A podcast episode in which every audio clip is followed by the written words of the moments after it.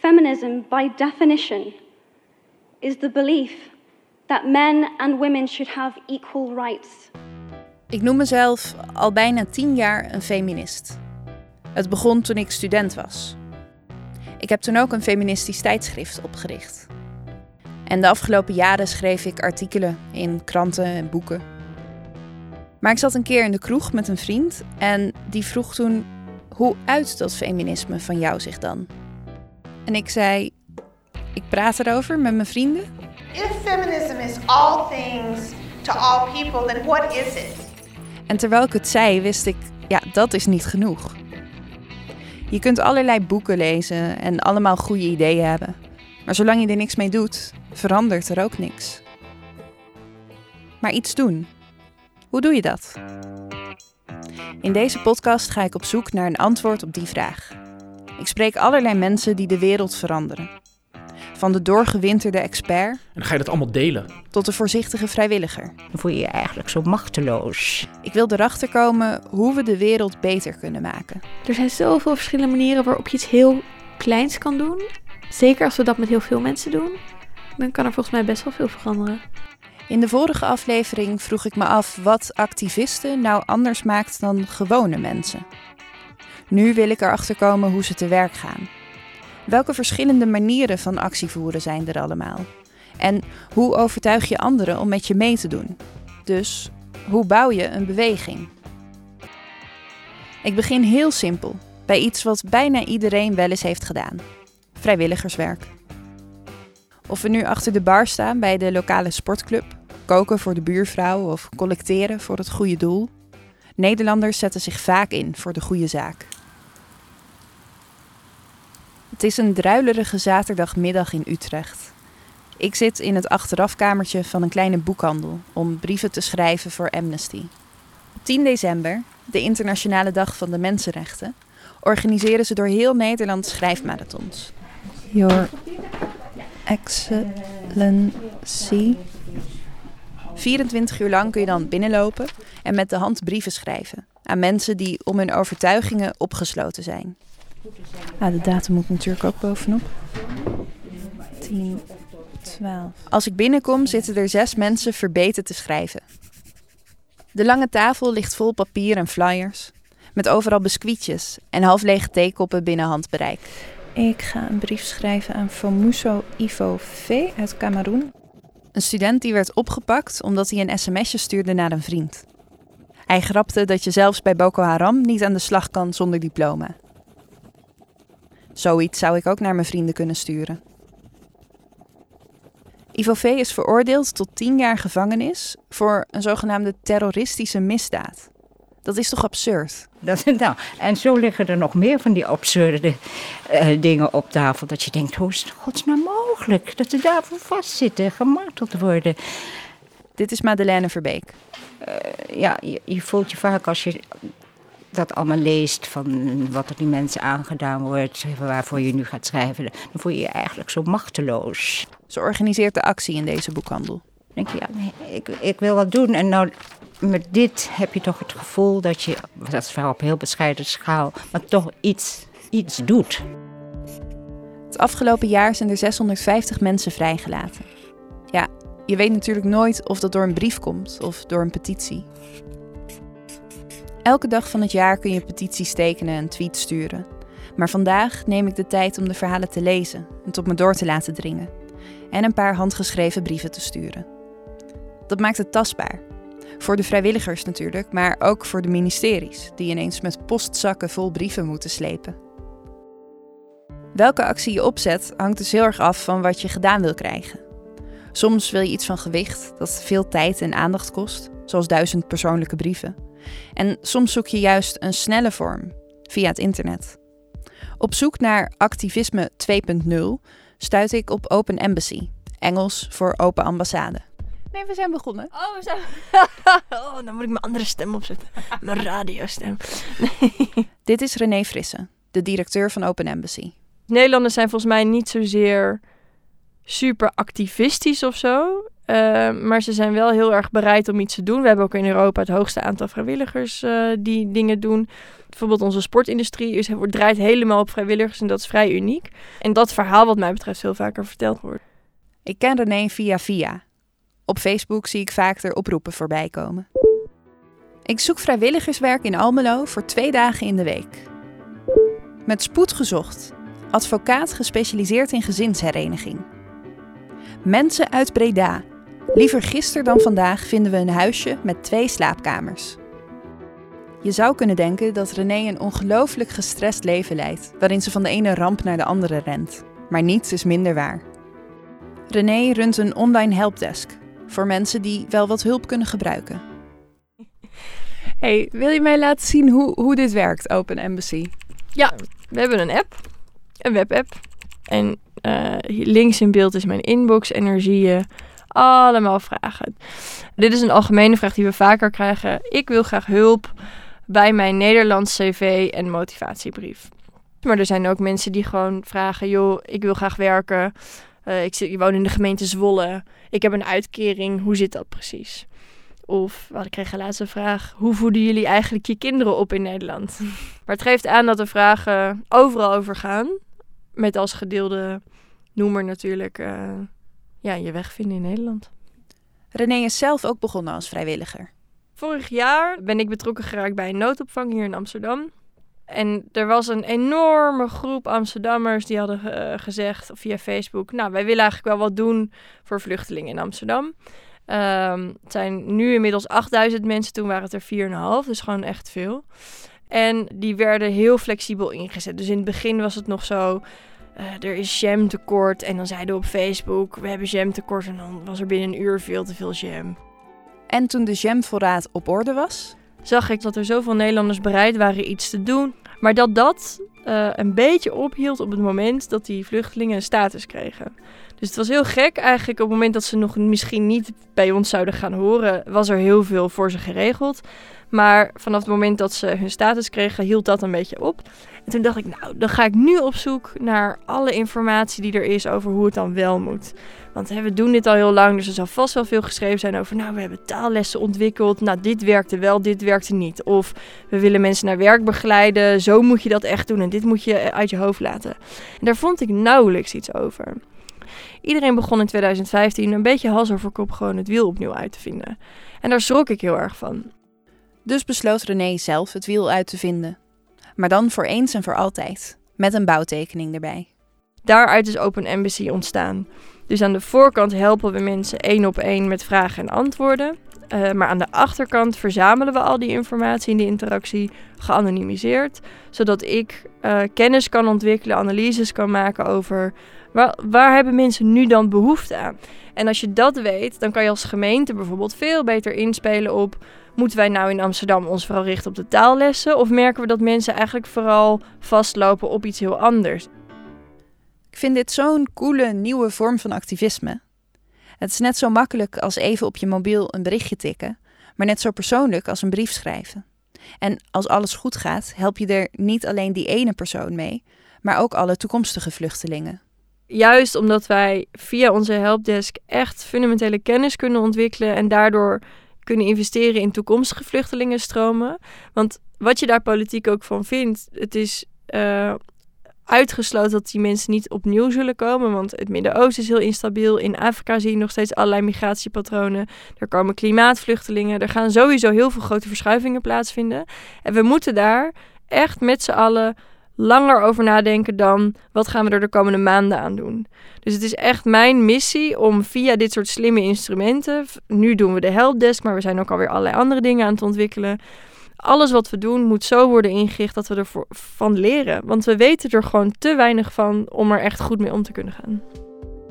Hoe simpeler je actie, hoe meer mensen meedoen. Dan is het makkelijk om steeds vaak even ergens binnen te lopen en iemand te helpen. En zo blijft de activist bezig 1, 2, 3. Systeem laat alle actie vormen.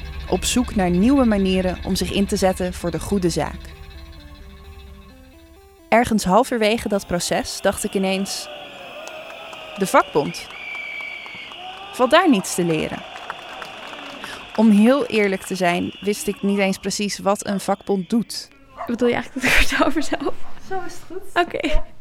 Laat staan dat er een vakbond is speciaal voor jongeren. Eigenlijk zijn jongeren best wel slecht vertegenwoordigd in de politiek. Dit is Esther Krabbedam. Ik was voorzitter bij FV Jong. En dat is natuurlijk best wel breed.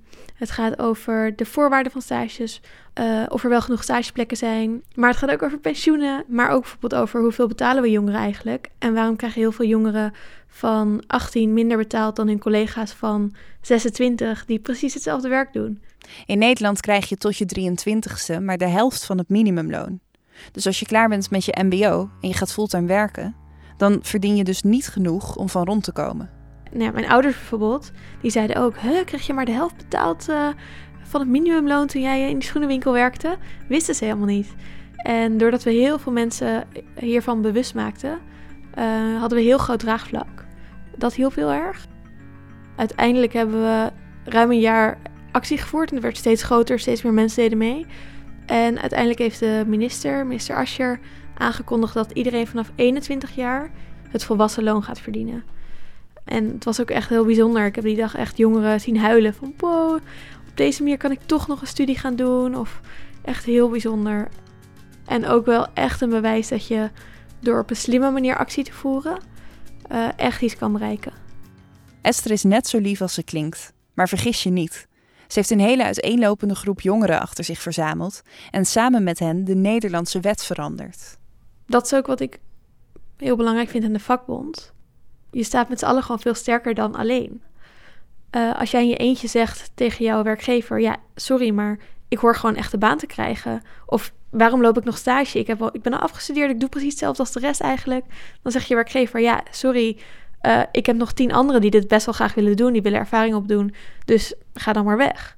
Maar als je uh, collectief, dus met z'n allen zegt, naar de vakbond gaat en zegt: hey, dit is een probleem en wij gaan voor jou zorgen dat werkgevers bijvoorbeeld veel strenger worden gecontroleerd op of ze stagiairs in dienst hebben en of die wel of geen studie hebben gedaan, dan kan je dat wel aanpakken. Dus je staat gewoon veel sterker met z'n allen. En we leven wel in een wereld waar die gewoon individualistischer is geworden en waar iedereen uh, zijn eigen Facebookpagina beheert en zijn eigen uh, ook geen abonnement meer heeft op een krant, maar gewoon op, op Blender leest wat hij wilt. En um, ja, dat snap ik ook. Dat doe ik zelf ook. Um, maar er zijn ook dingen waarin dat helemaal niet zo prettig is eigenlijk. Het is wel fijn dat je zelf kan bepalen welk artikel je leest en waar je voor betaalt. Maar het is niet zo fijn dat jij tegenover je werkgever in je eentje staat. Als ik even google, kom ik erachter dat er een vakbond bestaat voor schrijvers, voor journalisten, Misschien moet ik ook lid worden. Ja, ik denk dat we het belang van zo'n collectieve actie of groep, en of het nou de vakbond is of een politieke partij of een vereniging of op welke manier dan ook, dat wij jongeren daar het belang wat meer van moeten zien. Mm. En ik denk dat we op een of andere manier doordrongen moeten worden van het feit dat we daar met elkaar wat tegen kunnen doen. Um, er zijn zoveel verschillende manieren waarop je iets heel kleins kan doen. En Zeker als we dat met heel veel mensen doen, dan kan er volgens mij best wel veel veranderen. Ze geeft me een boek aan met een felrode kaft. Blueprint for Revolution heet het. Ondertitel: Rijstepudding, Lego-poppetjes en andere geweldloze technieken om de wereld te veranderen. De sleutel bij een goede actie is humor, volgens haar. En natuurlijk bondgenoten. Zo met snallen een probleem aankaarten, dat werkt bijna altijd. Denk vooral groot. Probeer zoveel mensen achter je te krijgen dat je een landelijk referendum af kunt dwingen. Uh, 1, 2, 3, test, test, test. Ik heb het natuurlijk over het Oekraïne-referendum. Dat, dat Oekraïne-referendum is helaas een beetje een fiasco geworden. Arno Wellens was een van de initiatiefnemers. Ja, dat is misschien een mooi, mooi punt om te beginnen met, uh, met actie voeren, want daar ben je in geïnteresseerd. Ik kan in ieder geval kort vertellen wat mijn uh, ervaring is. Uh, en daaruit blijkt dan ook wel meteen hoe, een, hoe iets ook weer fout kan gaan. Want uiteindelijk is Oekraïne op een debakel uitgelopen. Het begon heel simpel. Er lag een verdrag om Oekraïne deel te maken van het EU-handelsgebied. En Arno was er tegen. Hij heeft bewijzen dat Oekraïne geregeerd wordt door de maffia. Dat de regering corrupt is. En dat een of andere Moldavische criminele miljonair geld in Amsterdam verstopt. Nou ja, er waren nogal wat dubieuze zaken. En de, de vraag die je dan moet stellen is: Als Oekraïne zo corrupt is, wil je dan zo'n band aangaan met dat land? Dat was de vraag. Maar jij was, jij was tegen het Oekraïne-verdrag. Absoluut, ja. En wat heb je toen gedaan om, om daar, iets, ja, daar iets tegen te ondernemen? Ehm, ik ben niet iemand die met hashjes eh, en flyers de straat op gaat als het, eh, als het even niet hoeft. Maar ik ga wel zoiets lezen en analyseren en kijken waar de, waar de schadelijke aspecten in zitten. We hebben gekeken welke mogelijkheden bestaan er om dit tegen te houden. We hebben dit met een paar mensen hebben dit bedacht. En eh, uiteindelijk heb ik Jan Roos ontmoet. toen nog van Geen Stijl. Ehm, hij heeft uiteindelijk met Geen Stijl. En die achterban heeft hij ten eerste gezorgd dat dat onder de aandacht kwam. En ten tweede hadden zij een manier gevonden waarop je 300.000 handtekeningen ook digitaal kunt aanleveren. Uh, en dat is de enige reden dat, dat, dat referendum van de grond is gekomen. Anders waren we nooit aan die 300.000 gekomen. Ik heb het wel eens geprobeerd om gewoon de straat op te gaan en petities, hè, mensen iets te laten tekenen. Nou, dan ben je een uur bezig en dan heb je 10, 20 handtekeningen. Nou, als je naar de 300.000 wil, je wil het door heel Nederland doen. Dat is een logistieke operatie waar je u tegen zegt. Kan enkel dankzij internet. Dus ze hebben genoeg handtekeningen. De campagne loopt goed. Iedereen in Nederland heeft het erover. En toch gaat het fout. En die boodschap die is dus totaal kwijtgeraakt eigenlijk in het debat. Exact. Dus wat hier is gebeurd, is dat mensen aan de haal gingen met dat verhaal. Uh, waaronder bijvoorbeeld de PVV, die dat verdrag ook niet hebben gelezen. Die hebben het afgekeurd zonder het gelezen te hebben. Andere partijen, zoals D66, die zeggen ja, alles wat uit Europa komt is goed, dus die stemmen voor. PVV zegt alles wat uit Europa komt is slecht, stemmen tegen. That's it, dat is hoe zo'n discussie gaat. En uiteindelijk krijg je dan Geert Wilders aan je wagen. Uh, en die verpest het eigenlijk gewoon voor dat hele inhoudelijke aspect. Dan hebben we nu dus het referendum gewonnen. Dat is het wrangen. Maar die veiligheidsproblematiek, daar heeft de regering nu geen antwoord op geformuleerd. Dat hebben ze ook niet. En uh, dat betekent dat we inhoudelijk, praktisch gezien, niets hebben bereikt. Dat is de grote frustratie. Dus je, je wint een referendum, je, je, wint, je wint de slag, maar je verliest de oorlog. En dat, dat krijg je met onbetrouwbare bondgenoten. En dan denk je, oké, het was een blamage. Maar wat moet ik daar verder mee? Heb je er iets van geleerd of waarvan je denkt van, oh, dat doe ik de volgende keer anders? Oh ja, zeker. Dus als je een, een, een goede actie wil hebben, dan moet je dus, denk ik, zorgen dat je verhaal uh, in de basis gewoon feilloos is. Dat je dat helemaal dichtgetikt hebt. Dat je dat ook voor criticasters gewoon online beschikbaar hebt. En dat je dan heel duidelijk gaat afbakenen met wie je samenwerkt. En dat je vervolgens ook zegt van dit is de groep mensen met wie wij samenwerken. En mensen die daar later bij willen, die moet je ver uit de buurt houden. Uh, want die gaan dan aan de haal met jouw verhaal. Ja, maar dat, is natuurlijk dus ook... dan word je ergens ingezult, je wordt ergens ingetrokken waar je, waar je niet in wilt komen. En je moet dus van tevoren moet je heel duidelijk afbakenen, afbakenen. Dit zijn wij, dit is de groep, wij gaan dit bereiken. We hebben een succes als, als we hier zijn aanbeland. Dan stoppen we ook, dan gaan we ook uit elkaar. Uh, dus we moeten een begin en een einde hebben en een beperkt aantal mensen. Ik word een beetje onzeker van dit gesprek. Bij de eerste de beste kans heb ik economie gewoon laten vallen. Ik kan nog niet eens een kosten-batenanalyse maken zonder even te googlen. Jij bent heel actief met maatschappelijke problemen, maar heel veel daarvan is, daar heb jij ook voor geleerd, daar heb je voor gestudeerd. Jij kan dingen met de jaarrekeningen, dat kan ik best willen, maar dat gaat niet lukken. Wat kan een gewone luisteraar nou doen om iets te veranderen zo, ja, aan de problemen die er nu zijn? Maak, maak sowieso een keuze. Je kunt niet alle oorlogen in één keer winnen. En je moet je ook niet om alles druk maken. Kijk, je kunt, je kunt nu wakker worden. Dan zet je de computer aan. En nog voordat je uh, iets anders dan je onderbroek hebt aangetrokken, heb jij je al druk gemaakt op Twitter om tien dingen die je voorbij ziet komen. En dan ga je dat allemaal delen. Weet je uh, dat helpt niet. Dat is niks. Kap daar gewoon mee. Dus focus je, en, en terecht wat je zegt, ga je ergens op, op focuseren, dan kun jij het je mentaal niet veroorloven om nog een paar van dat soort dossiers erbij te hebben. Je moet je compleet inlezen. Als je dan een debat hebt met iemand, dan kun je, kun je, kun je dat winnen. Uh, maar dat kan je maar met een zeer beperkt aantal dossiers doen. Dus je moet daar harde, harde keuzes in maken. Maar in de hashtag cultuur blijven hangen en een tweet uitsturen en je dan beter voelen en dan verder gaan met je dag, eh, daar moeten we echt uit. Dus doe daar een handeling bij. Koppel er een actie aan die mensen ook gewoon zo kunnen doen. En dat kan. Hoe moeilijk is het? Ik denk dat mensen zich niet bewust zijn van hun eigen kracht. Ik begin met kleine stapjes. Ik download een app die sommige websites voor een paar uur blokkeert zodat ik me kan concentreren.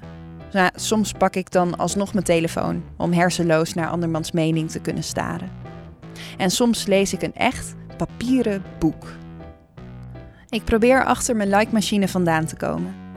Maar het interview blijft ook om een andere reden nog lang door mijn hoofd spoken.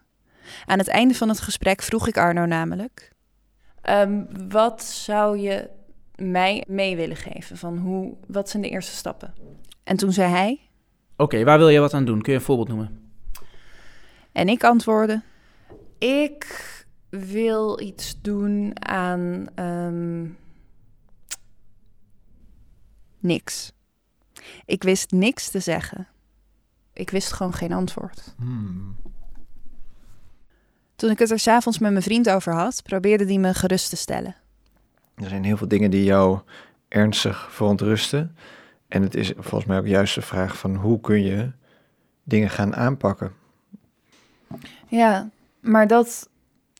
ehm, dat speelt dus wel mee. Ik vond dat één heel gênant, maar ook. ook confronterend. Dat ik dacht, ja, er is dus niet. Er is niet echt iets wat ik. Want waar is dit nou allemaal mee begonnen met die verkiezing van Trump? Dat vond ik heel ellendig. En toen dacht ik, ik moet iets gaan doen. Maar wat ga je doen dan? Hij is president geworden van een land waar ik niet eens burger van ben. Ja, maar je bent ook concrete dingen gaan doen. Je hebt je aangesloten bij GroenLinks. Je bent de wijk in gegaan. Je gaat teksten schrijven. Dus je hebt wel al een bepaalde hoek waarin je actie wil ondernemen. Ja, maar dan is het weer de vraag: oké, dan word je actief voor GroenLinks. Ehm, maar gaat dat dan de polarisatie in Nederland tegen? Wat denk je zelf? Ja, niet. Nee, is dat erg? Ja. Ik wil wel iets doen, maar ik weet niet wat ik wil doen. En als ik niet weet wat ik wil doen, dan kan ik het toch niet echt willen doen. Dan is dat toch een teken van, ja, dat er niet zoveel zit. Ik wilde erachter komen hoe je de maatschappij kunt veranderen. En nu ik die handleiding voor mezelf op orde heb, weet ik even niet meer hoe het verder moet. Arno dwong een nationaal referendum af. Esther voerde een jaar lang campagne. René richtte een online helpdesk op en Madeleine organiseerde een actiemiddag. En ik? Er is van alles waar ik me zorgen over maak. Maar ik zie nog geen gat waar ik in kan springen. Geen concreet probleem dat ik op kan lossen. Is een beetje alsof ik naar de IKEA ben gegaan en teruggekomen ben met een gebruiksaanwijzing voor meubels. Maar geen idee of ik een kast of een tafel heb gekocht. En oh ja, de planken ben ik vergeten. Daar sta je dan, met je goede intenties en je lege handen. Volgende keer, in de laatste aflevering van Iets doen, hoe doe je dat? Probeer ik erachter te komen hoe je de moed erin houdt als je eindeloos actie moet blijven voeren. Ik praat met Willem Schinkel over hoe machteloos en apolitiek we zijn geworden. En Hedy Dancona geeft advies hoe je gemotiveerd kan blijven als er toch niks verandert. En jij? Heb je vragen aan een van de activisten uit deze podcast of ben je ook in actie gekomen voor het een of ander? Laat het me weten op vpro.nl/slash iets doen of stuur een mailtje naar dorst.vpro.nl.